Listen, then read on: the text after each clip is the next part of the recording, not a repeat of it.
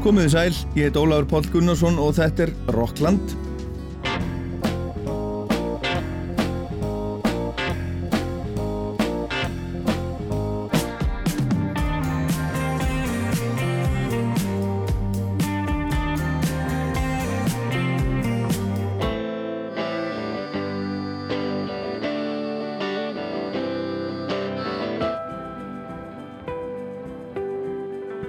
Þótt fæstir séu að gefa út tónlist á förstu formi eru allir að gefa eitthvað út. Er, er yfirskrift greinar sem Átni Mattíasson bladamæður og, og allt múlít maður á morgumblæðinu skrifaði mokka núna um daginn og þannig er það, það er allir að gefa, gefa tónlist.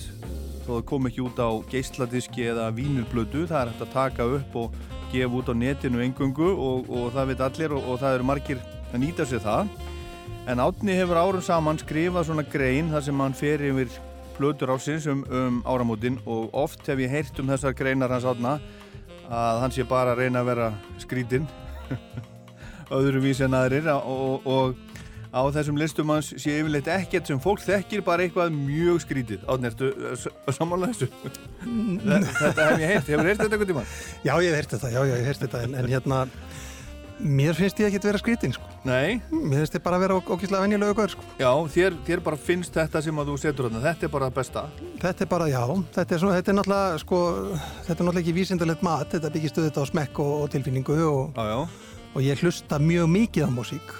Og hérna þessum íslensku blötu ég hlusta á 400 og eitthvað blötur sennilega 470-80 blötur á árinu Í alvöru? Já, já, já, já, hlust ekki, þú veist, margt að þessi stutt, sko, þetta er svona já. á listanum, útgáðlistanum, sumt er kannski bara tvö lög eða þrjú lög eða sumt er kannski eitt langt lag og svo frammiðis. Já og hérna maður þarf ekki að hlusta mjög ofta á suma hluti til þess að vita, nei, ok, þetta er ekki verkað fyrir mig. Já, þetta er ekki fyrir mig. Nei, nei, en, en sem sagt, já, ég hlustaði á, já, yfir 400 blöttur á húnu. En það komi út, ég, ég eh, sá það einhverstað að það hafi, hafi komið út svona eitthvað í kringum 500 útgáður árunum. Það er rosa mikið, þetta, þetta, þetta var, ég man eftir í fyrir nokkrum árum, þá talaðum að vera að koma út kannski svona 200 íslenskar blöttur ári, en, en þetta, þetta er að aukast. Sko, árið 2018 voru það 350 á listan sem ég vinn með Árið 2019 voru þar um 400 sko. Hvar, hvar nærðu þú í þessar upplýsingar? Ég bara. Er þetta hjá FBI eða eitthvað? Nei, nei ég, bara, ég er á netinu sko. Ég er Já. rosalega mikið á bandkamp. Ég nota bandkamp rosalega mikið. Já. Ég líka nota sagt, Spotify til þess að leita að músík. Ég er all, all, alla jafnæri, ég frekar á móti Spotify. Já, af hverju? Að því að sko Spotify er hérna, sko þegar þegar blötufyrirtækinu, alltaf útgáðufyrirtækinu voru að fara til fjandans að því að fólk var hægt að köpa blötur Já. að þá stopnuðu þau sem sagt Spotify eða þá var það Spotify, það eru stóru fyrirtækin eiga Spotify í dag og hérna tónlistamenn fá mjög lítið fyrir það sem er spilar á Spotify mm -hmm. hins var á Bandcamp það sem, sem er stjórna miklu meiri sjálf þá fáðu miklu meiri pening út í þannig að mér finnst það bara siðfyrirlega rámt að nota Spotify. Það er bara að segja eins og er. Ertu ekki þá, þá með áskrift einu sinni? Jú, ég verið með áskrift stundum er ég með áskrift stundum ekki sko. Já. stundum tekið risp og teka áskrift þess að þú veist að vera vissum að ég sé ekki að missa af henn einu. Mm -hmm. en hérna ég kaup ógislega mikið af blöttin til þess að bandkamp Já, já, ég kaup mikið þar. Já, já, já, sem, þú, sem þú ert að downloada þá?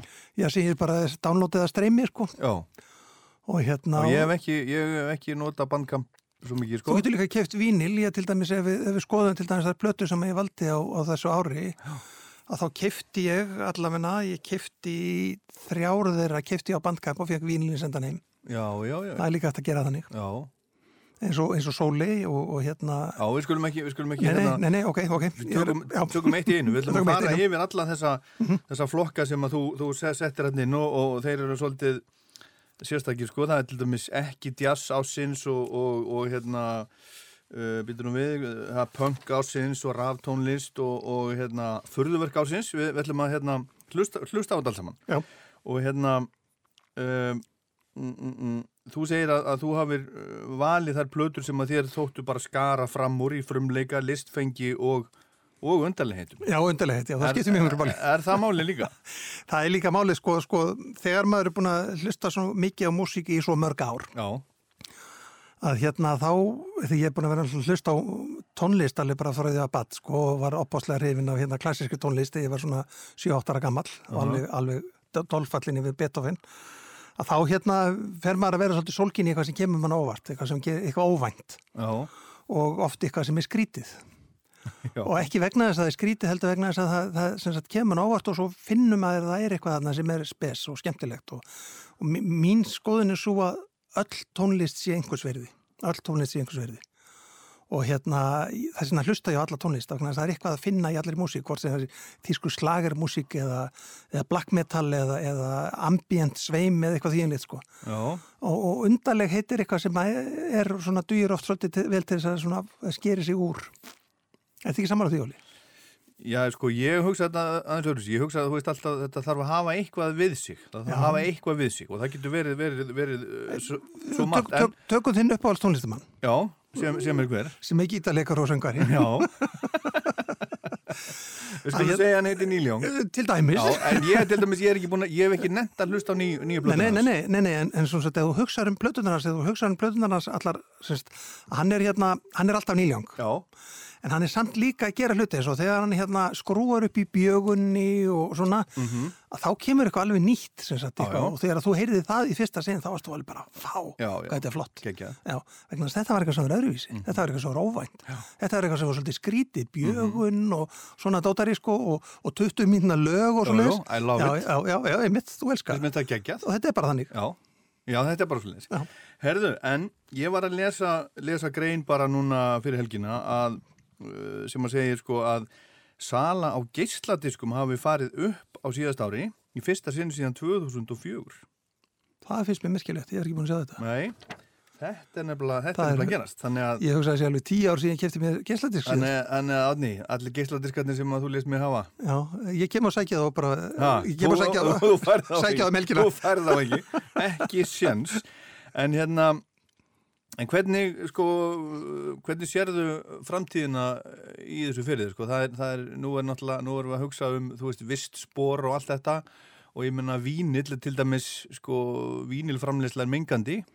Það búið til náttúrulega, þú veist, plastið úr olíu og svo er gerð, það þarf að hita gufu til þess að pressa og það er oft gert mm. með olíu og, og svona. Ég veit, ég veit, ég með ekki nefna nöfna því við höfum eftir að koma aðeins síðar en Já. það er einn blata á listanum sem Já. er til dæmis gerð úr endurinnum vínil. Já, ok. Þannig að menn er að ferja leita leiða til þess að minka þetta kólefnisbor, sko. Já.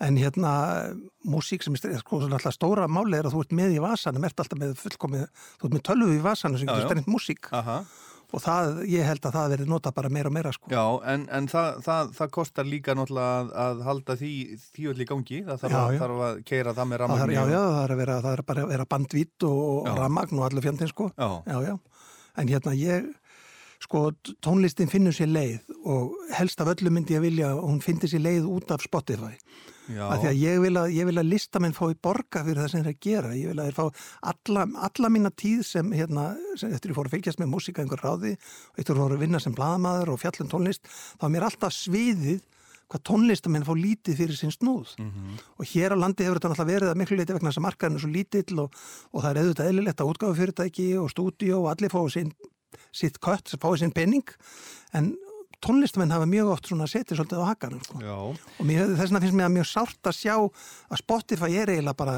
meira og minna eins sko. mm -hmm. þó, þó, þó, þó að við Íslendingar séum með besta Spotify samning í, í heimi sko, að þá er, hérna, þá er bandkamp það er samt eh, erum við, með... við erum með betri prósentu til dæmis heldur en gengur gerist sko. Er það? Já Af hverju þá? Þú verður bara ekki styrra sóknir Ég hef ekki, ekki stúderað það sko En svo er náttúrulega, svo getur við hugsað Þú veist, músík hefur verið til alltaf síðan, síðan maðurinn fór bara eh, svona hugsa eitthvað að lítið en sko útgáa á músík í förstu formi þannig að tónlistamæðurinn hafi fengið eitthvað fyrir útgáuna, það er bara hugsanlega pínu lítill gluggi í tónlistasögunni sem já, við, við sjáum eitthvað meir kannski.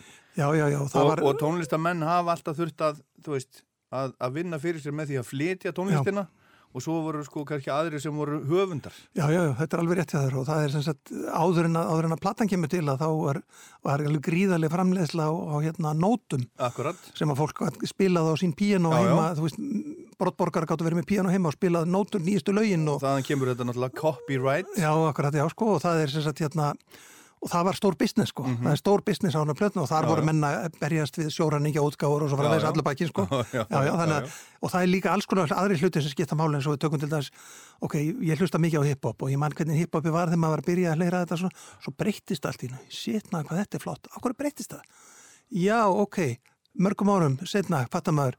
Þetta er vegna þess að í staðin fyrir samplir sem gæti verið með 30 sekundur kom samplir sem gæti verið með mínútu. Þannig að alls konar svona hluti skipta líka máli, þú veist hvernig tækning kemur og, og breytir, sagt, mennu eitthvað, já hei, ég get gert þetta, þá ætlum ég að gera svona Já. og þá er heil tó- tónlistarstefna búin að breytast. Það, þetta er líka rosalega interessant, Já. hvernig þetta spilar allt saman. En ég held að þetta prógram sé að breytast í eitthvað svona podcasta Já, sem já, að tveir ok. kallar eru að tala bara saman og við spil, spil, spilum enga músík. Tala um önnu podcast. Herðu, hérna, hérna um, 500 útgáður árunu, það er, það, er, það er rosalegt sko og ég meina, þú veist, við hérna rástöfurum með blödu vikunar, þar, uh, þar er pláss fyrir 50 stykki á hverju ári. 10%. Það er 10% sem við getum haft þar, þannig að það er alveg... er alveg þið, þið, þið, þið gætu verið með plötu dagsins. Já, við skulum hugsa það. Þú, þú kannski hérna bara heldur utan um það. Um Já, það, heldur utan um það. Herðu, hérna, um, þetta eru nokkrir flokkar hjá þér í, í þessari grein og hérna, og við skulum byrja á samstarfi ásins. Já, það var hérna býstna gott, hérna Sindri Már Sigfússon og Örvar Þóriðarsson Smárarsson og hérna hún Sólei Stefansdóttir. Þau hérna gerðu, ég veit ekki hvort þú munir eftir, ég gerðu fyrir nokkrum árum plötu fyrir Morm Music, Mm -hmm. kalluðu þessi hérna Teen Dreams, Mm gerðu þau samstarfsplötu, mannst þetta er þessi plötu, gáðu út eitt lag á mánuði í ár og svo kom hérna heldaplatan út í lokás sem var alveg ferlega skemmtilegt og gott samstarf og þau eru sem sagt hérna þau, hvað, hvað getur við sagt, þau eru sagt ólíki tónlistamenn en þau eru samt öll á sömu plánetunni. Þannig að þau ná, ná mjög vel saman. Þetta verður, mann, manni finnst heyra sagt einkenni sem sagt ok, ég hugsaði já þetta lag hefur sóli komið eða þessi lína hérna er frá hérna sindraði eitthvað þýinleitt sko. En þau sem sagt endur tókuðu þetta þess ári gáðu út eitt lag, eða á síðast ári gáðu út eitt lag á mánuði út árið og svo komið með hérna Dreamismörder sem er svona uh, það sem þau safnaði svolítið saman. Já, mjög gríðilega skemmtilegt og ég kallaði þetta samstaf rásins mér er svo gaman þegar músikantar vinna saman gætna þvert á svona svolítið Crosby, Stills og já, einmitt, já, já, já, já, bara miklu betra. Herðu, við skulum heyra hérna, þú, þú, þú hérna velur, velur lag af þessu sem að heitir, býtum við hvað heitir það? það til að hérna When the Maps Run Out. Og þetta er svona lag sem sami eiginlega fyrir amnesti og það er svona, svona textalega þá er þetta svona um, um, um, um fólk sem er að reyna að komast yfir landamæri og landamæri bara svo þessu reynu, landamæri eru ímyndað fyrirbæri, það er fyrirbæri sem við búum til og þú stendur einhver staðar og þú sérði engin landamæri. En það er bara einhver lína sem er teiknuð af einhverju fólki, þú veist, og alveg þvert á kannski það sem er þvert á raunveruleikan þannig að þau eru, þau eru svolítið að syngja um þetta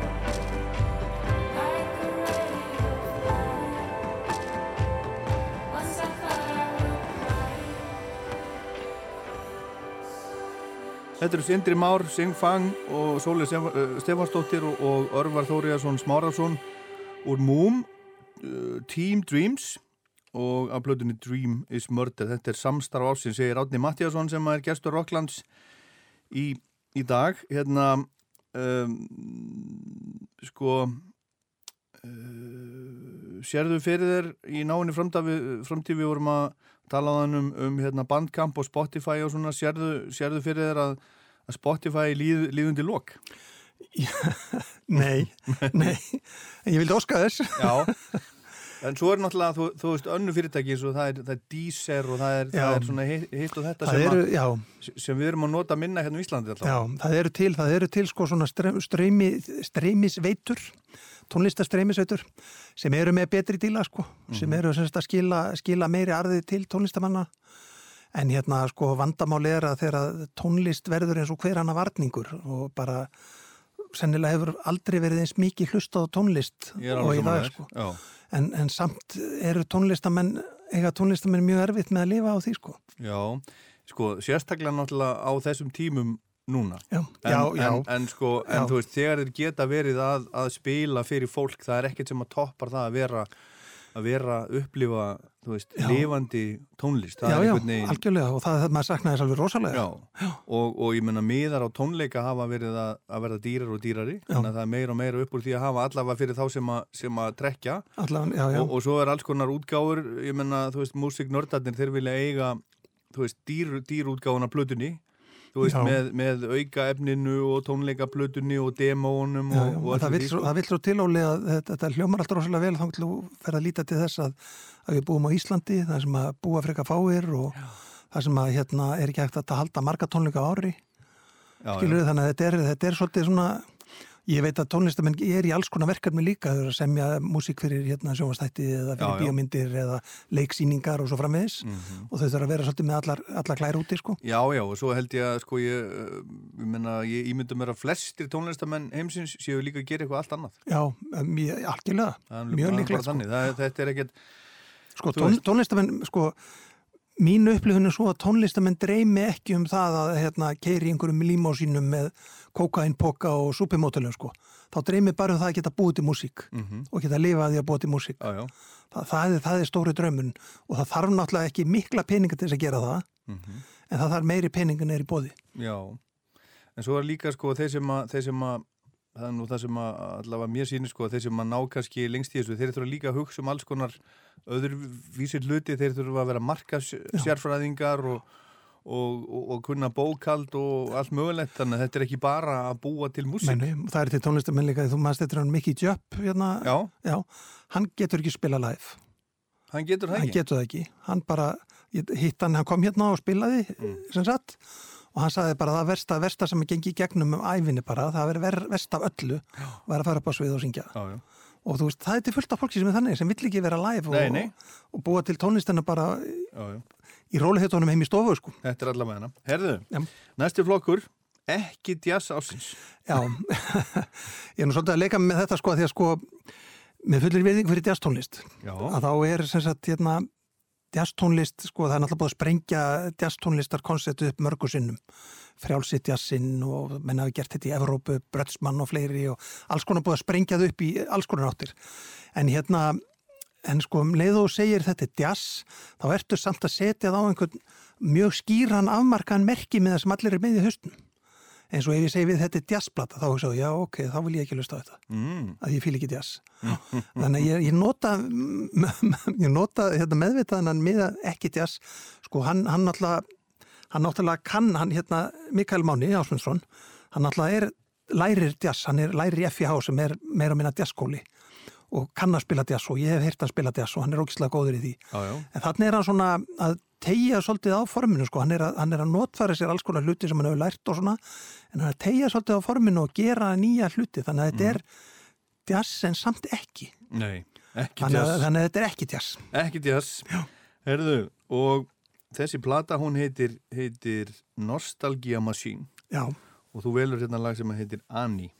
já þetta er frá, frábært lag. Og þarna ég, ég ger mér í hugalund að í þessu lagi heyrist í hljóðfærinu, ef hljóðfæri skildi kalla sem er á umslægi blötunar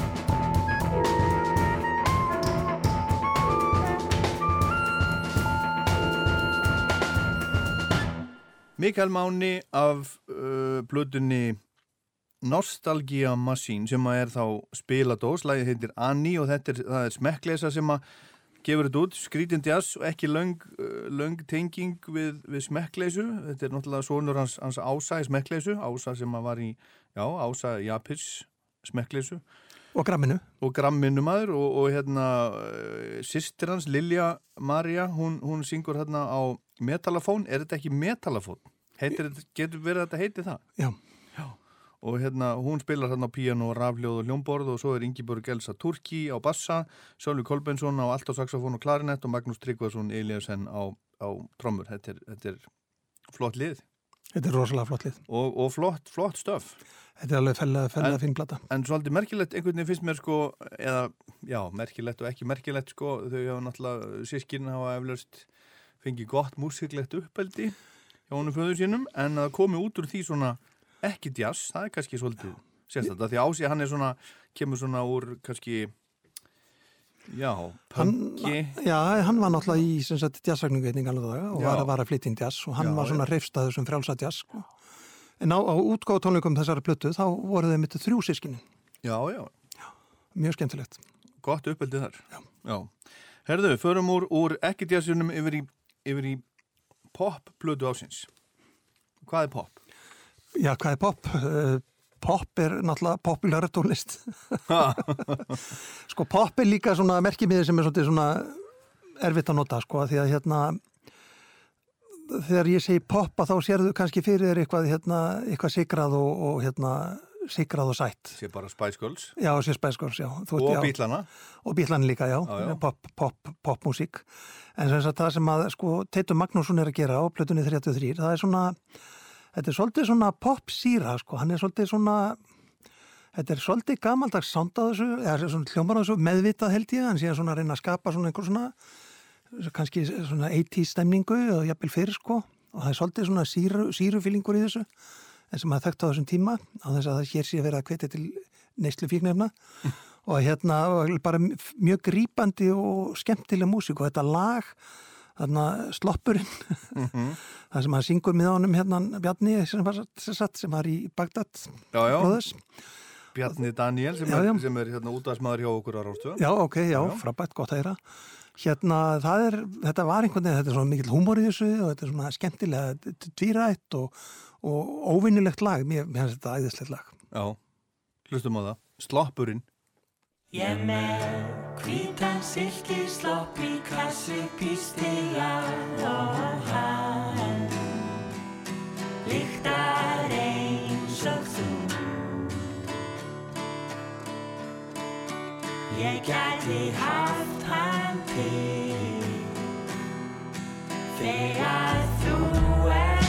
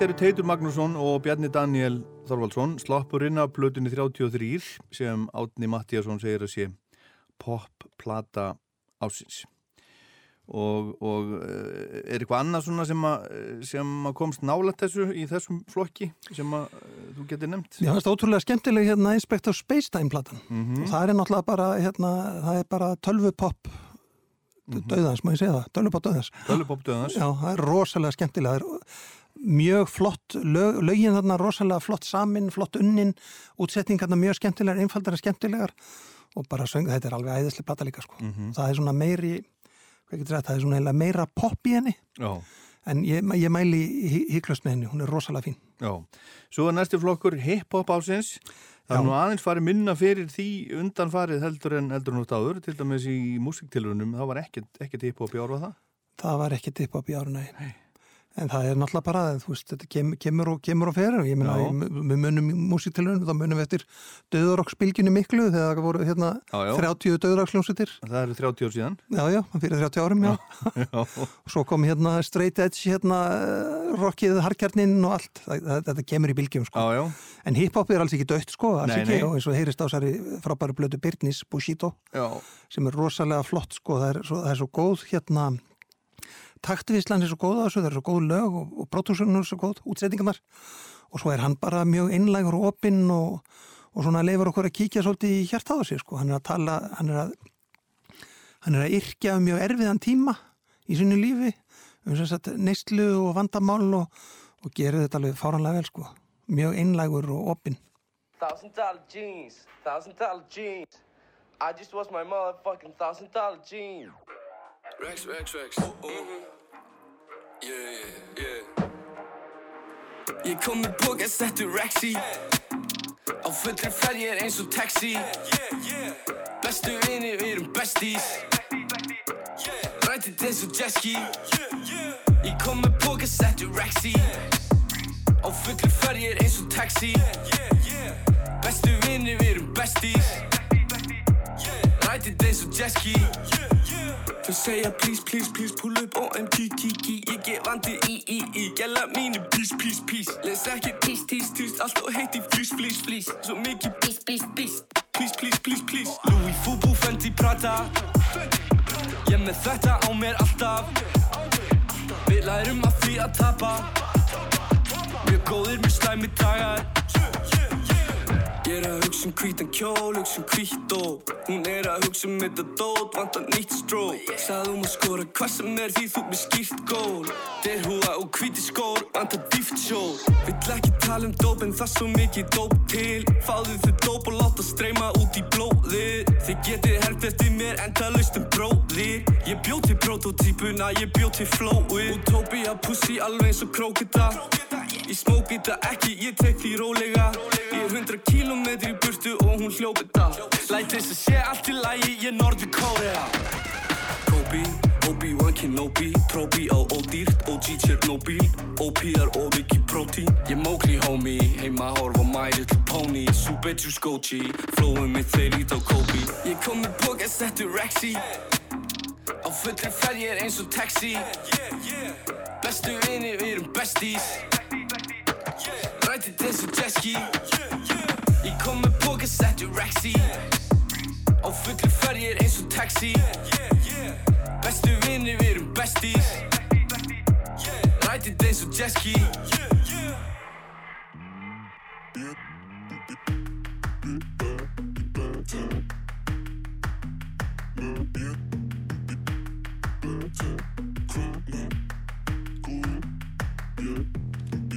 Púlaði upp á Big Ben, í Ben 10 Spenni beltinn ef þið komið menn.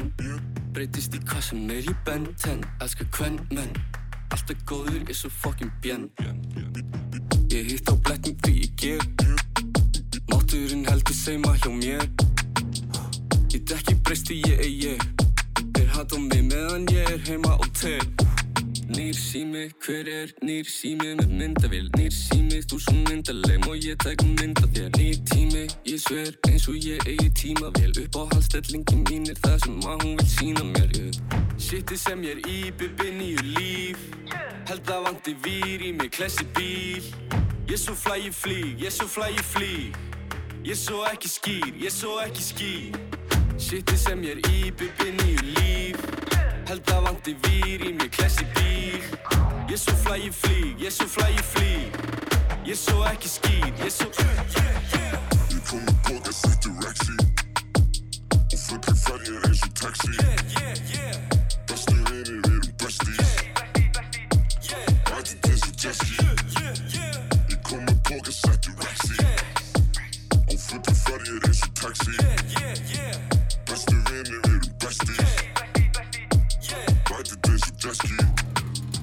Þetta er Byrnir, þetta er lag sem hann heitir Rax og þetta er af, af plötunni Busito sem hann sendi frá sér í, í fyrra og er, er hip-hop ásins, segir Átni Mattíasson sem er gestu þátt, þáttarins í dag, gestu Rocklands í dag, bladamaður og allt múlitt maður á morgunbladinu til, til margar ára og formaður domnefndar músiktelruna og formaður domnefndar í krömminsvelunum og svo leiðis en, en þú ert ekki í íslensku tónlistavelunum, þú ert, þú ert lítið komin ála tí. Já, ég hérna, það er bara einhvern veginn atvikaðist svo. Ég var einu sinni í, í hérna, ég var einu sinni í þessari nefnd, eh, sem sagt, íslensku tónlistöðluna fyrir, fyrir mjög mörgum ári, ég veit ekki hvað er mörg á síðan, sko. Það er kannski verið annað eða þriðja árið sem að það voru og ég var ekki mjög ánaðið þá, sko, að því að hérna á fyrsta fundinu sem vorum að fara að velja, velja plötur Mm. Að þá komið ljós að fólki sem var með mér í nefndinu hafði ekki hlustað á plötunar og það átti bara að fara að hlusta þar á staðnum Já, og það, það var til þess að ég ákvað að þetta væri eiginlega ekki fyrir mig sko. nei, nei, þú vilt, þú vilt lusta fyrst og dæma svo. Já, já, Einmitt, það er mjög, mjög gott, gott, gott Men, að gera en sko með, með fullir vinningu fyrir velunum ég er ekki að gera lítið úr þeim sko. Nei, ég- þetta er fyrir mjög mörgum árum ég, ekkert- ég held að þetta sé bara fínt í dag sko. Já, og hérna ég vil, vil þeim allt þið besta já, gott mál. Og það er líka, líka bara gaman, það er sko, þó, þó sé ekki nefn annað en svona bara uh, söguleg sæðlis, þá er gott að geta farið hann inn á Ístónvefin og séð bara, rifjað upp bara hvað stóð upp úr þetta, þetta ár. þetta verður náttúrulega þetta verður náttúrulega þetta verða sko, þetta eru menningarlega verðmæti og þau verða verðmætiri með hverju sem Ah, bætist við sko. Akkurat, akkurat. Herðu, en hérna, en, en hvað með sko, uh, þú veist hip-hop, það kom náttúrulega, það var náttúrulega fyrsta, fyrsta hip-hop-bylgjan, hún kom náttúrulega með, uh, ég menna kannski fyrsta bandi Subterranean þegar ekki og svo eru náttúrulega Rottvalur hundarnir sem segir sí Kvarasi og svona sko og, og svo er uh, þér finnst Byrnir vera, vera, vera bestur núna. En, uh, en hver eru fleiri svona, svona? Count, Countess Malaise platan var rosa flott líka. Mm, Maldita. Og svo náttúrulega Ellie Grill. Póstur er að feng það fannst mér mjög flott plata sko, músiklega sérstaklega mjög flott plata sko, já, þannig að það er hellingur að gerast í þessu sko. Já, já, en hérna sko uh, flestir já, hvernig var hann að segja? F- sko, flestir hlusta á tónlist þeir vilja hlusta á hann aftur og aftur. Og ég þekki fullt af fólki sem bara býr til sína playlista og hlustar aftur og aftur og upp á hans lögin sín. Þú ert, þú ert ekki því en þú hlustar óbúslega mikið, þú ert með að hlusta bara næstu því á allt sem hefur komið út á árinu. Hvena hlustar þú? Ég hlusta á bara, ég hlusta allan daginn Ég hlusta í vinnunni mjög mikið sko. Já. ég er alltaf með einhverja músík í gangi þegar að vinna. Mm svo hlusta ég heima í mörg kvöldin þegar ég sitt og er að lesa.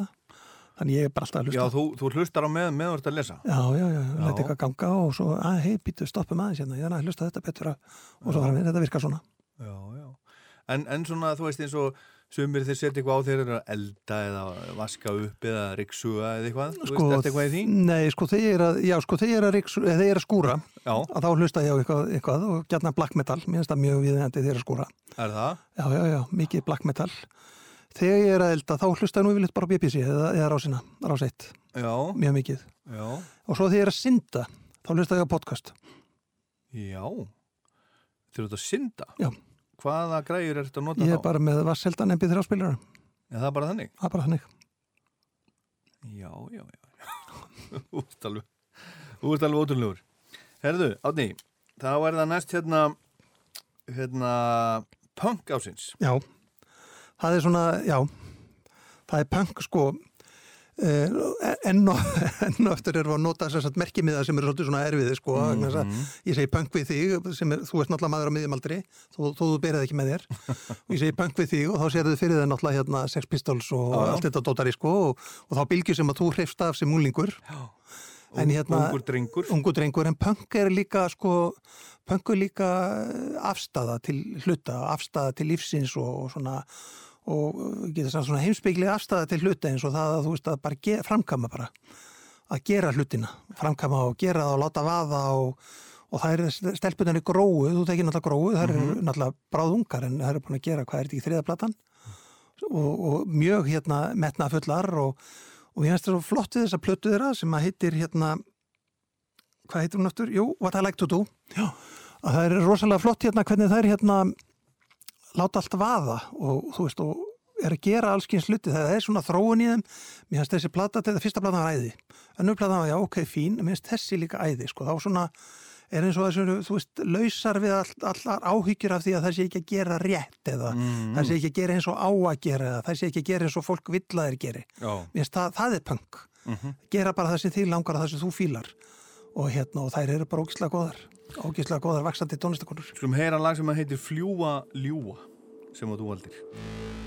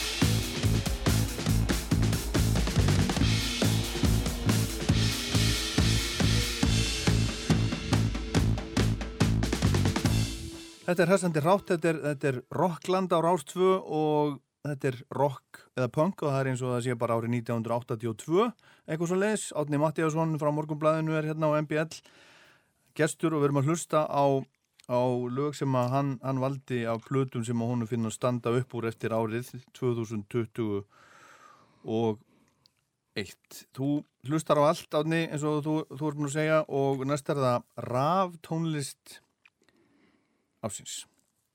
Já, ég hlusta á allt, já. Já. Það má- segja, alls konar tónlist. Já. já en það er, En ég tónlist- hlustar þú veist oft á söm, sömu blödunar eða, eða bara einu sinni, alltaf? það er alltaf einhverja plötur sem að standa upp úr sko eftir árið. Já. Eitthvað sem að dregur fram aftur og aftur. Já. Og til dæmis þessi plata hennar Eva Jóhansdóttur, Eva 808 eða sem að ráðuruglega segja, Eva 808. Alveg eins og mannst þetta er 808 State sem að hétt eftir náttúrulega já. og sem að hún býr, hún býr í útlöndum, býr í Svíþjóð Mhm. og hefur verið að gera raftónlist svona hann Bjarki, þú veist hvað Bjarki er mm Mhm. raftónlistamæður sem hefur verið að geta sér gott orð í Evrópu, við í Evrópu, hún, hún er þar líka, Já, hefur verið að gefa út músík sem hefur verið að vekja aðtekli og, og hérna var notuð í Hudson Mohawk auglýsingu til dæmis lag eftir hana. Þannig að hún hefur verið að vekja tölvar aðtekli og þetta er plata sem ég hlustaði mikið á árun ég, ég keift hana á Vínil í janúar já, bara gegnum, gegnum síðun hennar. Mhm. á bandkamp, sko, bandkamp virkar. Aha. tvöföldplata, rosa fín. Og þetta er svona ég, ég sest kannski ekki niður og hlusta á hlið A, hlið B, hlið C, hlið D heldur hlusta kannski á hlið A eða setja á hlið C eða og svo framvegis. En hérna, þetta er ótrúlega flott. Þetta er svona e, nú lendir maður, nú lendir, ég veit ekki hvað maður á að kalla þetta beinlega, að lýsa þessu fölk, fyrir fólki sko, þetta er rosalega bassa bassamúsík, rosalega bassagrunnuð tónlist, það sem að bassin leiðir, leiður okkur mjög mikið áfram. En hún er mjög skapandi og það er mjög fjölbreytileg tónlist að þessu þessar, þessum plötu sko.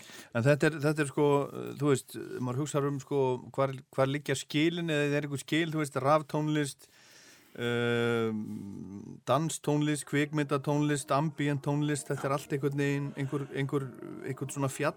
Já, sko, ég, ég hef það fyrir satt að því að tónlistumenn hafa sagt mér það. Þeim finnst rosalega óþægilegt að vera að setja það á merkimiða Já. en það er bara, sorry, það er bara það sem ég fæ borga fyrir að gera. Mm og þú líka. Þannig að en, en það- ég líti á það sem svo að setja á merkimiða sko er svona til þess að hjálpa fólki líka að velja. Já. Þannig að þetta er svona, svona bassadrifin danstónlist getur við sagt er það ekki ágætt? Jú, hlustum.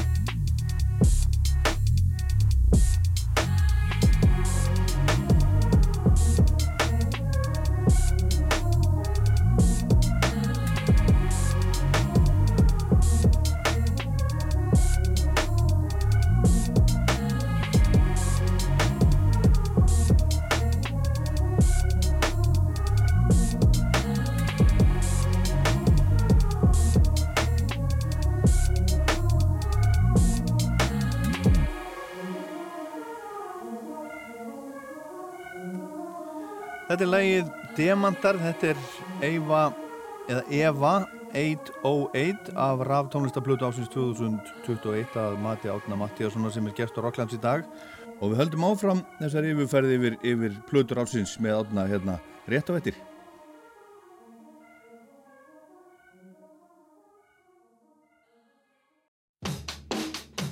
Hello, this is Damon Albarn, and you're listening to uh, Rockland on Icelandic and National Radio.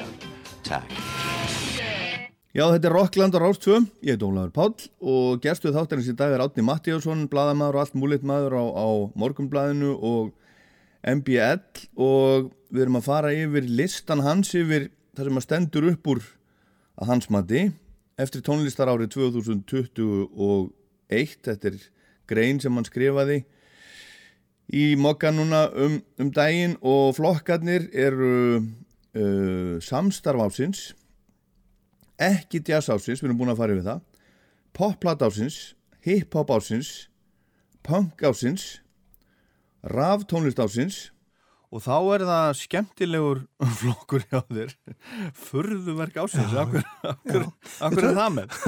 Við töluðum um það í upphafi að það er svona eitthvað plætur sem eru bara mjög förðulegar og skrýtnar já, og þess er mjög skrítin Já, hlustar á hana já, já, já, ég lusta á hana.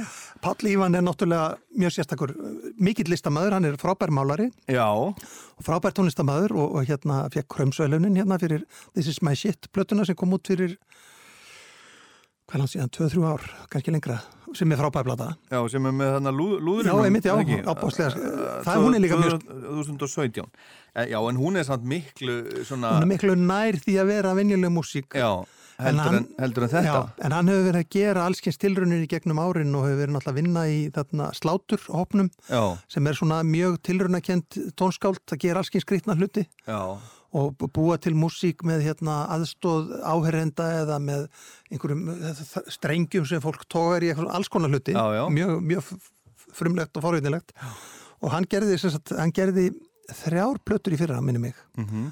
Þrjár ef ekki fjórar. Og þessi var þannig að sko við byrjaði að hlusta bara, fokk, hvað er þetta? Þetta er mjög en, skrítið. en svo hérna svo bara er þetta ógæslega gott þetta er svona einhvers konar Sko, ég, ég, eins og hann sé svona kyrja þetta er svona eins og eins og einhver sjaman sem sagt einhver hérna, töfralæknir að þetta er kyrja alveg ótrúlega skrítin. Já. En hann, mér finnst hann alveg frábær og mér finnst hann sko, mér finnst hann sérstaklega, ég menn hann er bara flinkur listamæður, hann er svo frábær myndlistamæður til dæmis. já, já, eins og segir frábær málari Sko, já, ég, uh, mér sé, þú veist, ég á eftir hann tvær myndir, sko. já, já, já, Og hérna, þú veist, mér finnst hann algjörlega frábær.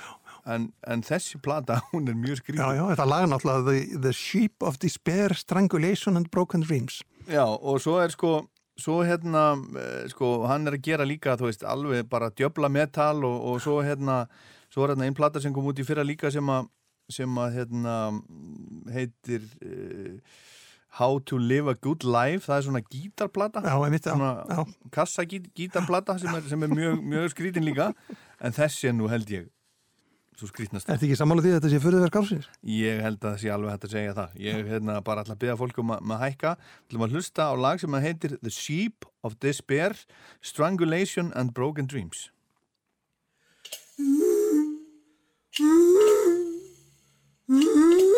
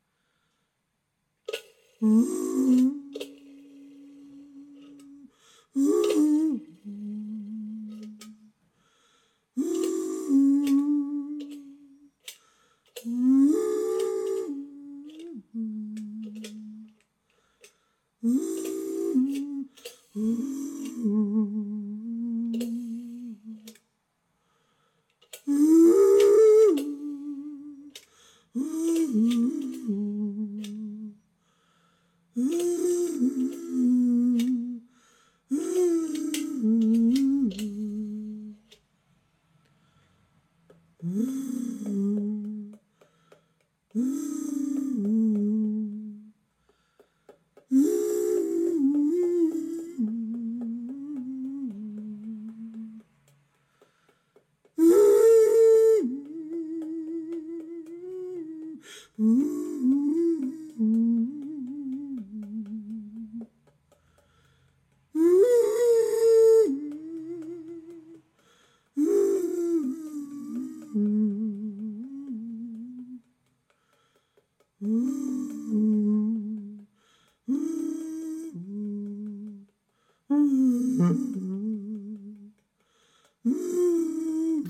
er, þetta er, er meistarinn Páll Ívan frá Eidum algjört, algjört séni en þetta er, mjög sérstæðatni ha, Já, og bara æðislegt. já, já, já, akkurat.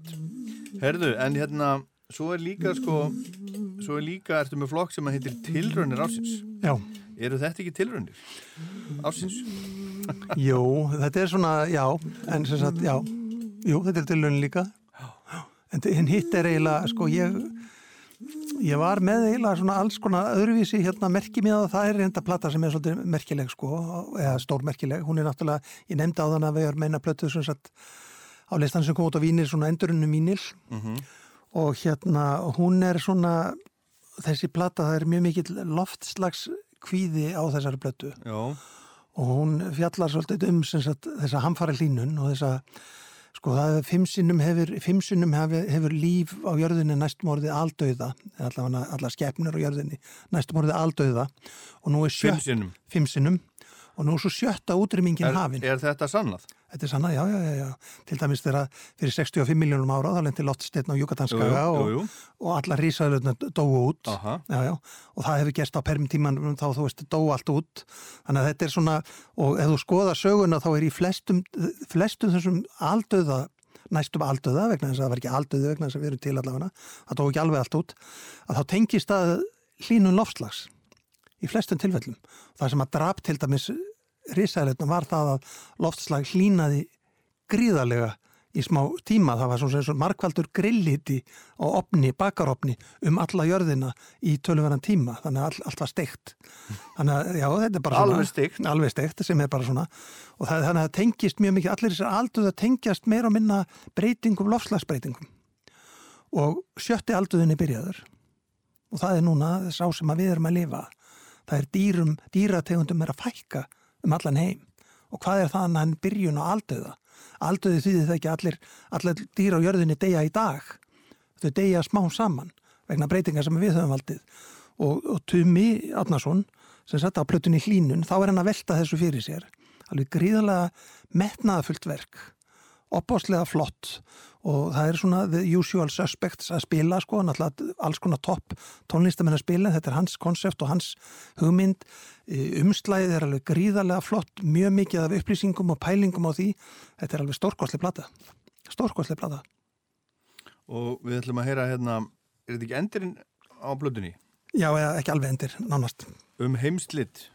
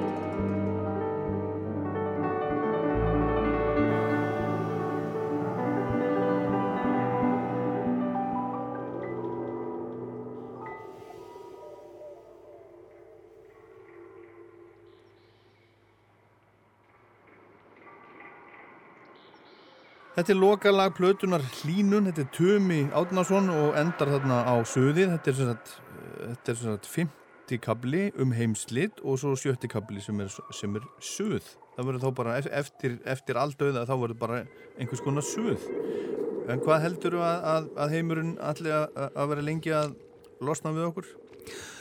Sko, við meðum ekki að gleyma einu í þessu sambandi. Við tölum um aldauða og við tölum um heimsendi og svo framvegis. En hérna, náttúrun er sama um okkur. Mm Mannkinni, náttúrun er sama um mannkinnið. Þannig að við munum deyja, vantanlega, eins og, eins og stefnir. En jörðin heldur áfram, sko. Henni er sama. Já. Verð ekki með þetta bjart síni sjál hérna upphafi, upphafi ásáðni. Slaka aðeins á í þessu. Já, við, við, við njótu þess við hérna miðaldra kallandir Já. að hérna, við verðum farnir áður þetta gerist. Já, já. Herðu, en þetta er, þetta er einhvers konar svona nútíma jazzbræðingur. Já, þetta er líka svona, þetta er jazz. Já, ekki jazz. Tumi hefur náttúrulega verið mjög dug- duglegu við þetta, að vera svona að reyna á þanþól tónmálsins og gefa út mjög sérstakar. Hann var náttúrulega að, ein, ein aðalsbrautan í Úsland-seríunni, maður stætti því, sem að Úsland-plötunar, tíu, sem að voru hérna Nei. alls konar spunna, spunnaplötur, spunnaplötur röð sem að hann hérna, hann var með og hann Alfreð var með honum, Alfreð Finnbóðsson var með honum í því, sko. Albert. Albert Finnbóðsson Já. fyrir ekki þannig að það er hérna Og Úsland. líka í hérna, var hann ekki grísalapalísu? jú, jú, jú, og, og fleiri sko já, bara frábærlega afkasta mikil og góða sko. Mm Akkurat. En þetta þarf allt saman að, allt saman að heita. Þetta, þetta er bara, þetta er tónlist. Hérna, uh, uh, Krömsvelunin, þau eru veitt fyrir þær íslensku hljómblötu sem að þykja hafa skara fram úr á, á árunu hvað varðar metnað gæði og, og, og frumleika. Ekki endilega undarlega heitt eins og, eins og, eins og hjá þér. Og þú ert með þarna nokkrar, nokkrar plötur af, af hérna, krumslistanum já. Þú ert með, þú ert með Tuma og þú ert með hérna Eva 801 en, en ekki, það er, það er þarna líka fleira sem er, sem er á þeim lista sem er ekki á, sem er ekki á þínum sko og svo er engin, engin rockplata ásins til dæmis Nei, hún bara datt út, Akkur? Bara það er ekki plás ég er bara með nýju, ég gæti ekki verið með tíu. Já, en, en þér eru ekki, ekki dott í huga að sleppa einhver af hinn og, og setja inn rockplata ásins Er einhver plata rockplata ásins? Já, mér finnst hérna Ectigesis platan til dæmis rosalega fín og Obsidian Eye Mm sem sagt er æðislega plata sem sagt sem að kom út í byrjun árs. Hún var rosa fín sko, til dæmis. Desolate heitir hún, það var æðislega plata líka sko. Það var fullt af góðu rocki sko. Fullt af góðu, mjög grófu rocki það er líka einn plata hljómsveit sem ég get ekki sagt þér hvað heitir og ég veit ekki hvað platan heitir heldur. Vegna þess að þeir nota ég fann hann á bandkamp sko, þeir nota einhver, eitthvað letur sem þeir hafa búið til sjálfur Já. sem ég get ekki lesið og skil ekki. Mm og hérna á platan og all lögin heita sem sagt og það er skrifa með því letri. Það var til dæmis æðislegt en ég get því miður ekki sagt hvað heitir. einmitt og Hush til dæmis, það er hérna stúlka á Akureyri sem heldur út í hljómsveit sem heitir Hush sem gátt fimm plötur á árinu sem voru rosalega flott, mjög brútal svona rock, fullt að góðu rocki. Já. Herðarni, þú hérna uh, sko, næsta plata það er bara bara reynlega plata ásins plata ásins, já. Já, bara í öllum öllum flokkum þegar allt er tekið saman besta platan sem kom úr 2021 Já. Dun-dun-dun. Dururum. og það er hérna Mother Melancholia með Sólei Stefansdóttur hún er náttúrulega á listan hún Sólei í Mhm. samstarfinu en þetta er sem sagt hérna Mother Melancholia hún er að syngja um móðujörð hún er á svona svipum slóðum á tumi í, í lofslagskvíða og, og hefur áhyggjur á hamfæralinnun og því sem við sem að gera við jörðina móðurjörð Mhm. sem að verður sem sagt, henn, á hennar plötu Mother Melancholia vegna þess sem hvernig við komum fram við jörðina og hún er líka, sem sagt, er líka merkilega platta því liti, hún er svona er að svona beita svona, hvað getur sagt, svona feminískum gleröðum á þetta að hérna hefðu við komið svona fram, vindu við koma öðruvísi fram við jörðina? Eða væri ekki móðurjörð, heldur faðirjörð Mhm. vegna þess að við búum í, í samfélagi sem hefur, hefur alla tíð verið óbáslega karlægt og, og þessum að konur hafa verið að setja sköður lægra og, og eins og alltaf hefur komið upp á síðustu dög, síðustu, síðustu viku eða þessari viku að, bara það hefur verið sport hjá mönnum að nýðulega konur skilur, hefði þetta verið, hefði, hefði við hugsað einhvern veginn öðruvísi mér finnst það rosalega forvitnilega sem sagt, samtenging hjá henni og vangaveltur hjá henni, þetta er óbáslega fín plata hjá henni Mhm. Skulum heyra hérna lag sem heitir Sunrise Skulls sem að þú valdir fyrir Já, okkur. mjög, mjög flott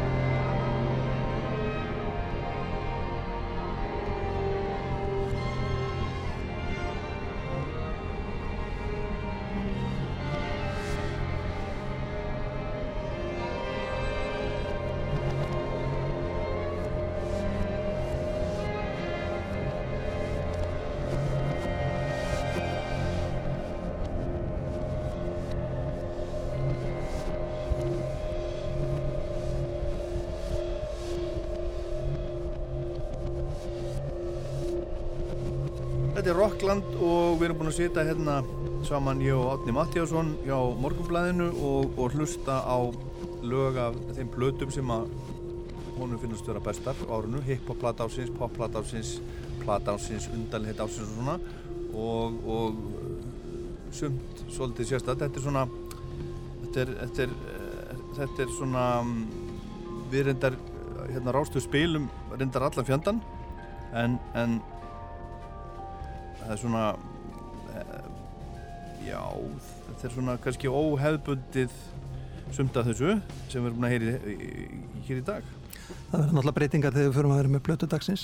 Já, já, við byrjum á því bara í næstu viku, einmitt Herðu, en þú hlustaði náttúrulega á allar íslensku plötunar sem kom út á síðast ári Allar íslensku blötu sem ég komst yfir. Já, og, og hérna og svo, svo, svo lestu eina bók á dag og svo vinnur og svo hjólar í vinnuna og svo syndir og þú, þú veist alveg ég, hérna þú þurftir eiginlega, eiginlega að gefa út svona manual bara how to live.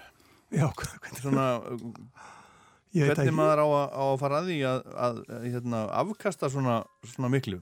Myndi ég þá ekki... nema, nema þú sért að ljúga þessu öllu. Já, svo er það. Það, Já. svo er það, kannski er þú, þetta bara plata. þú ert kannski bara að ljúga. Kannski bara valdi af handahófi hérna plötur, bara var með einhvern lista og Bara valdi bara handahófi. Það getur verið, það getur verið. gæti verið sko. Svo lesi ég bara aftan á bækundar.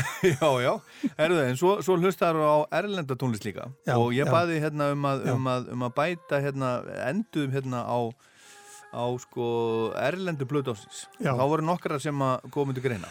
Sko það er, það er óbúslega erfitt, sko, það er óbúslega erfitt að velja eh, plötu ársins bara eina, já, skilur, eins og, eins og þú veist og en þú valdir það, það hérna ég valdi, það samt, ég valdi það samt, já ég valdi plötu ársins að innlenda, ég valdi eina en svo valdi ég líka átta aðrar, skilur, þannig ég var með nýju Mhm. en hérna það er óbúslega erfitt að því að hérna ég sendiði mér þessa lista yfir plötu sem ég komið til greina sem. Já, plötur já. ársins og það var náttúrulega allt frá bara hérna amerísku ungmennapoppi í, í hérna afríska hérna rockmusík og, og hérna og hérna black metal sem sagt, melodískan black metal sem er til og er raunveruleg tónlistastefna og svo frammeðist, þannig að það er svona það er mjög erfitt að segja bara, taka bara, þetta er plata ásins, þannig ég vil frekar eiginlega bara segja, þetta er ein af plötum ásins, má, má ég ekki gera það? Já.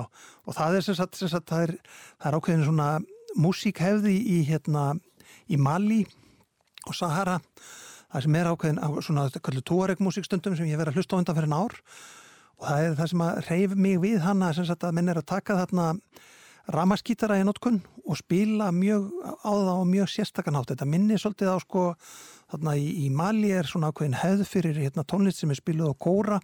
Kóra er svona harpa sem er gerðir úr svona stórum hérna belga plöntu og með löngum hálsu og svo spila er á hörpu mjög, spila oft mjög hröð músík og það hef, hefur skilað sér þarna semst, í þessari túaregmúsík og svo eru þið líka með arabíska áhrif og svona. Ég hef svo opáslega gaman að svona þegar allt er að blandast saman og útkemur eitthvað alveg ókíslega flott. Og það er sagt eitt hérna músíkant sem að ég hef verið að hlusta á undanferðina ár sem heitir Mundú Mokhtar sem er búin að gefa út held ég fjóra, þrjári eða fjóra plötur, ég er ekki fleiri sem er að spila svona, þetta er rosalega svona fljótandi gítalínur Mhm. og opáslega skemmtileg músík hann gáð plötu sem heitir Afrík Victim Mhm. sem er um sem sagt hérna stöðu mála í Afríku sem er sérstaklega á þeim slóðum þar sem að, þar sem að hann býr eða elst upp er mjög slæmt ástand sko. Það er mjög slæmt ástand vegna þess að það er mikil, mikil fátækt, það er mikil þurkar, mjög erfitt líf, lofslaglínun hefur náttúrulega yðilegja ennþá frekar líf fólks á þessu slóðum. Þannig eru hérna íslamskir hérna augamenn, íslamistar eins og við kallar, sem er að fremja hriðvörk og, og, og, og ríkistjórnir vanhævar og mikil spilling en að stjórnir, það er allt, það er allt á verstaveg á þessum slóðum. Og hann er svona á þessari plötu er hann svolítið að fjalla um það, fjalla um þetta líf. Og hérna, og hann til dæmis beiti ramaskýtum og ég er alveg viss um það að þú hafi fílað þetta um leiðu og heyrðir þetta í fyrsta sinn Já, já. að sem aðdáðandi Ég, ég hann- fjallaði um, um Emdu Mokhtar í, í Rocklandi á árinu. ok, frábært, já, já. já, þegar hún Æð- kom, kom út æðisleg platan. plata, Já, já. æðisleg plata. og svo er hann með sko bandarískan bassarleikara og hann er rauninni svona held í keir þetta svona, eða ég held að hann hafi haft heilmikið um það að segja að þetta svona er búið að fara um, um allan heim sko. Já, hann er með, hann með samböndin sko. Já. Og, og, og uh, það vil svo skemmtilega til að lægið uh, Chiss Mitten sem að þú, þú hefur valið hérna fyrir okkur, það var líki síðasta þætti. Já, hei, frábært. Já, vegna þess að ég var að spila þá Já, svona já. lög af, af hérna, listónum sem voru á hérna, hérna í Mojo og, og Uncut Já. og, og þetta, þessi plata er, á- er á listónum við þeim. Þetta er Ég- frábær plata, ég er Ég, alveg ég, sammálaður. ég byrst forláts á því Óli hafi ekki hlust á síðasta það. Þannig erum við sammála. Já. Við erum sammála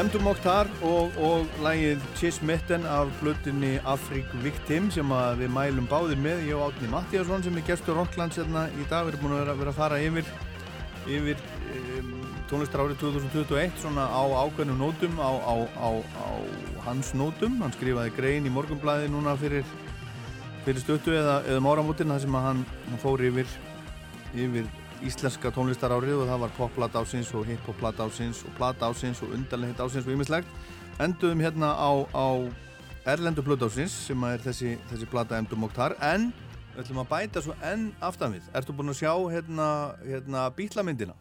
Nei, Það er ekki búin að sjá ég hana? er ekki búin að sjá hana. Þetta er, þetta er ekki nema 8, 8 klukkutímar Já, já, þú meinar, já. Já. Ok, ég bara fer heim núna og hlusta. Já, það eru, er, eru margir búin að sjá þetta og, margir að uppgöta bítlana í fyrsta sinn og hérna, og, og sko ég hef lesið fullt af kommentum á Facebook og svona frá, frá tónlistamanni sem að segja að þetta síni svolítið vel hvernig það er að vera í hljómsveit og í stúdíu að vinna. Er þetta ekki þá... Þetta er svona, þetta er svona flög, flög, flög á vegg, þetta, þetta, er svona, þetta, er svona, þetta er svona slow TV, Já, þú þekkir, náttúrulega bandið rosalega vel í gegnum árinu þetta.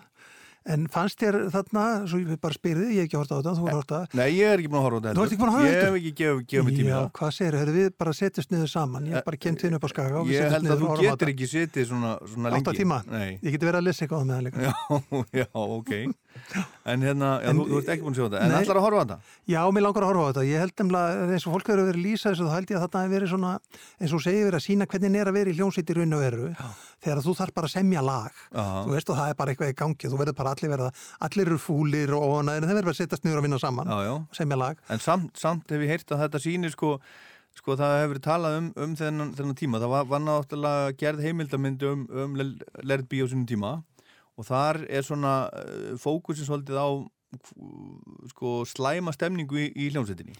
En, en, en þeir sem hafa hort á þetta og Peter Jackson sem að gera þetta, hann segir að þetta, þetta sýnir raunni að það var ekki þannig. Það var bara, þeir voru bara í góðum fíling. Ég hef séð alls konar klippur út úr og ég bara tekundi það sko. Og líka það, er- menn tala mjög mikið um að Jóko hefur verið svo mikið, haft svo slæm áhrif og svona, en svo er hún bara þarna, bara chilla með þeim og þau eru að gera skemmtilega hluti saman, skilju, þannig að það kemur upp svona ákveðin önnur mynd en okkur hefur verið selt, getur við sagt. Já. En með mikið gleyma því að Peter Jackson er náttúrulega að gera sína, sína mynd. Við Mhm. veitum ekki hvað raunveruleikin er en við horfum á þetta alls saman. Já, já, akkurat. En hérna, skal ég segja þér, þú sem að hlustar svona mikið á nýja músíkátni, alltaf að hlusta á eitthvað nýtt, hlustar einhvern tíman á, ég meina setur einhvern tíman bítlaplötu á fónin. Ég síðast því hlustaði á bítlana var þegar monoboxið kom út. Þegar að hérna, plöturna er allar mono upptökuna var gefnar út. Já, Sem ég hlustaði vegna þess að sko málið er að þegar þið tóku upp plöturnar þá var náttúrulega stereo ekki, var stereo að verða til sko. Og fyrstu plöturnar það voru allar mixaðir í mono og þeir voru viðstattir mixið og þeir heyrðu endanlega útgáð og samþykkt hana. Svo fóru þeir og tæknumindinni byggu til stereo. mhm, Og þannig að hérna ég fekk mér þetta monobox sem að var algjör upplifun að heyra þetta í, í mono. Og þar í var einmitt sem sagt, við vorum að tala um þessa blötu hún er ekki, hún er tekin upp sko stereo, let it be. En það er eitt lag á henni sem var uppalega mixað í mono. Já, já. og það er á í þessum monokassa það er hérna sem sagt plata sem heitir hérna Mono Masters, voljum 1 og voljum 2 Mm og þar er master af hérna Across the Universe. Já, já, sem var uppalega fyrsta mixa því var í mono já, já. og það sem er svo skemmtilegt þar ég, ég veit ekki hvort þú hafið aðgangaði til þess að spila það jú. Ertu búin að finna það? Já, frábært.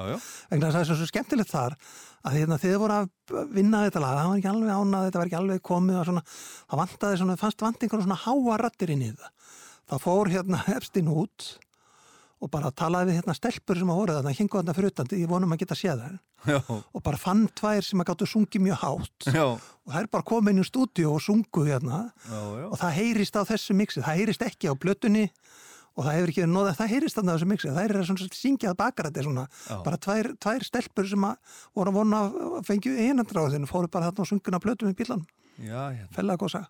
Þetta hef ég ekki heyrt áður.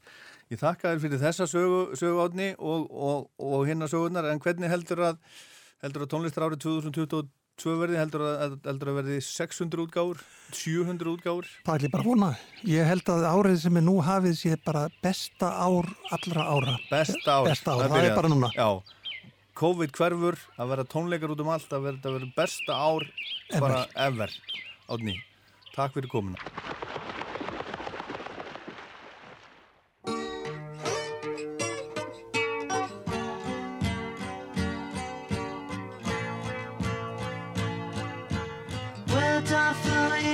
Like endless rain into a paper cup.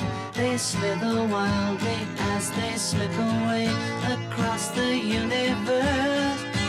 Pools of sorrow, waves of joy are drifting through my opened mind, possessing and caressing me.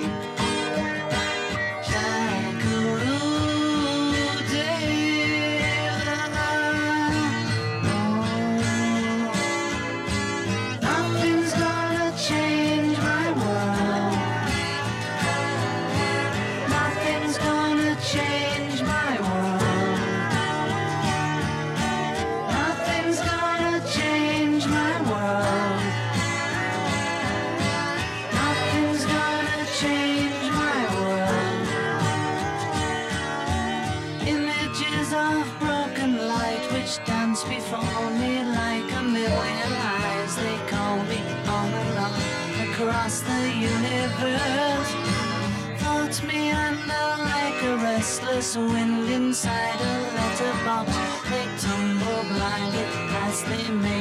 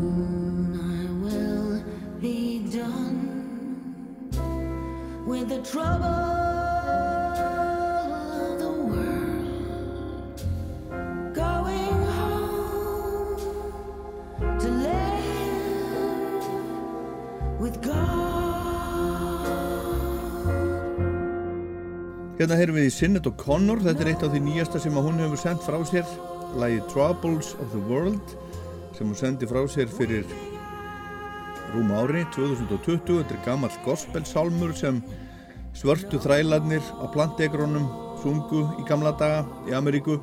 Þetta fjallar um að, að það komi að því að þau losni úr ánöðinni þegar lífið hérna á jörðinni endar og þau deyja þá farið þau ekki bara til Guðs heldur hittu þau mæður sínar aftur á himnum.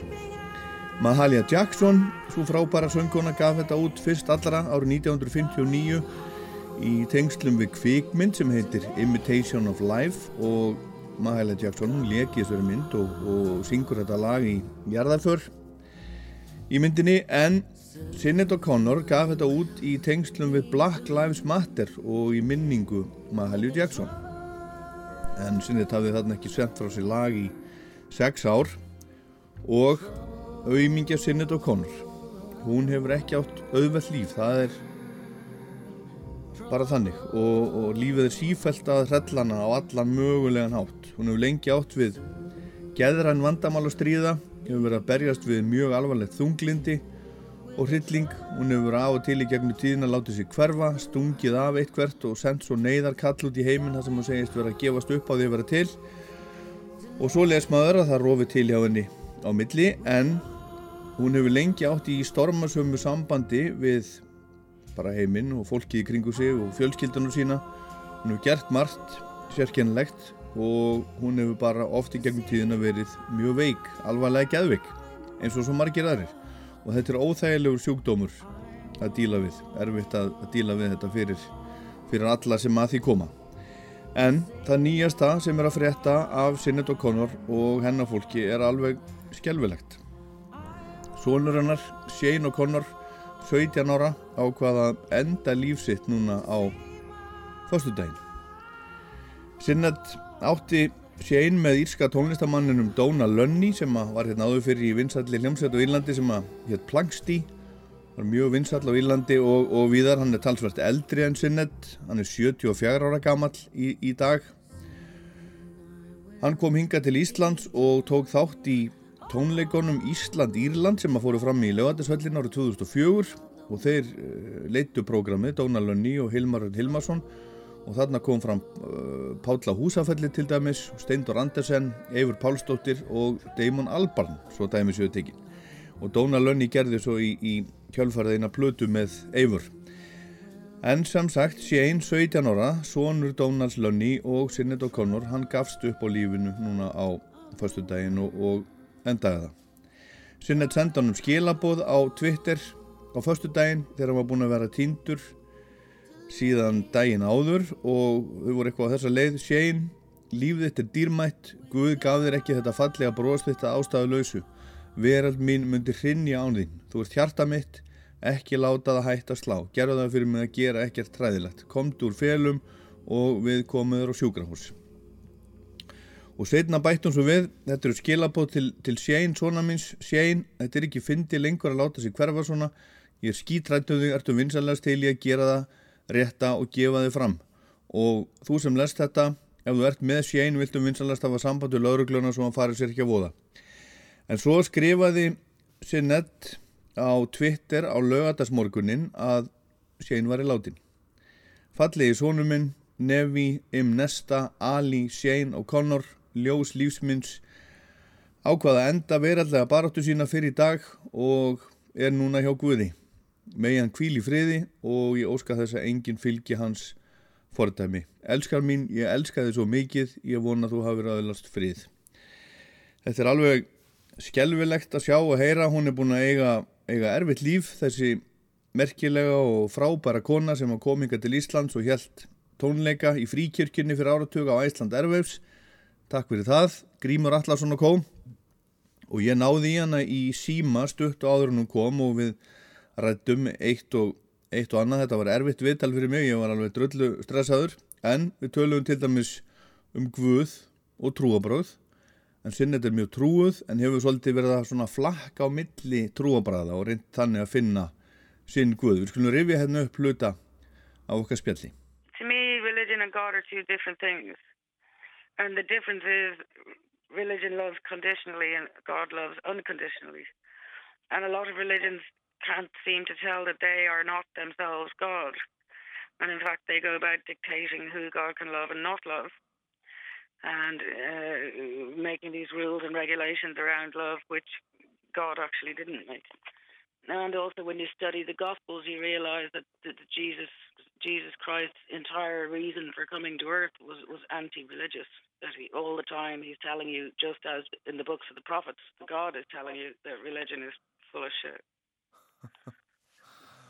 I don't think we here in Iceland we take it as seriously as as you do in in Ireland. Yeah, it's been a big issue in Ireland, obviously, because up until recently we were a theocracy, so it's, it's been a big issue here, you know. Uh-huh. But to me, also, uh, you know, the idea of anyone, and again, of course, I'm talking about the church that was so dominant in my own country, but it's to me, it's it's a blasphemous thing claim that you represent Christ because Christ is the representative. Uh-huh. Uh, you know, so that that's where I would be at. So it's not it- it's not very common for you to sing in churches. No, it wouldn't be common now. I don't think there's a church in the world that would let me in. Já, þetta sagði hún Sinnet og Connor um Guð og trúabröð skömmu áður hún kom hinga til að halda tónleika í fríkirkjunni í Reykjavík og hún var að tala um hafa svona megin indagi sem var að, að munurinn á Guði og trúabröðum er að trúabröðin þau elska með skilirðum en Guð elskar fólkið mennina skilirðis löst þetta sagði hún sinni, eh, Sinnet og, og hún sagði á öðru stað í viðtælinu að það hafi verið mjög sjálfgeft að hún hafi haldið tónleika í, í kirkjum, hún var til dæmis ekki velkomin bara í ýmsar kirkjur heima á Írlandi eftir að hafa árum saman verið að gaggrina kathólsku kirkjuna fyrir alls konar drullumall sem hún segir að hafi viðgengist þar öldum saman og hafi ekkert með Guð að gera. Og við vitum öll um hvað hún er að tala og þetta hófst í rauninni fyrir fyrir 30 árum síðan þegar hún var í beinni sjónvarsútendingu í bandaríkjánum vera í Saturday Night Live á hátindi ferilsins og reif mynd af, af páanum og það var bara allt vittlust í kjölfarið. En hún var að gera, hún var að benda á, á þar kynferðisofbeldi katholsku kirkjunar í gegnum tíðina og, og mótmæla því og þá var ekkert mikið ver- verið að tala um þessa hluti. Ég hef fjallað um þetta áður hérna í Rokklandi og ákvæðst getur að gera það aftur, aftur síðar en allavega við skulum vona að þetta, þetta síðasta ræðilega áfall far ekki alveg með aumingja Sinnet og Connor og ég ætla að enda Rokkland dagsins á lægi frá tónleikunum hennar í fríkirkjunni á Æsland, Æslandervefs í rokinu föstudagskvöld í oktober 2011 og heyrið hvernig hún tilengar sinni sínum lægið, honum Shane ljósi lífsennar sem nú er horfin frá henni að eilífu. Ég heit Ólaður Páll Gunnarsson, þetta var Rockland, takk fyrir að hlusta. Now, I always dedicate this song to my little son Shane, who's seven. Um, he, he calls this the backyard song, so I always dedicate this to him. It's been seven hours and fifteen days since you took your love away.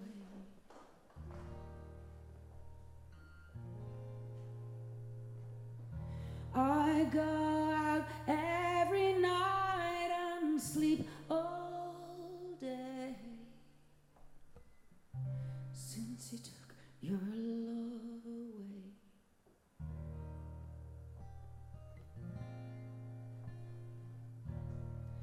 Since you've been gone, I can do whatever I want. I can see whomever I choose, and I can even eat my dinner in a fancy restaurant. But nothing, I said, nothing can take away these blues because nothing compares. Nothing compares to you.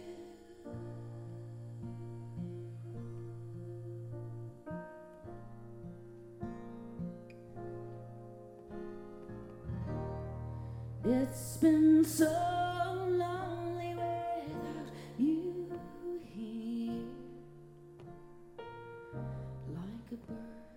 without a song.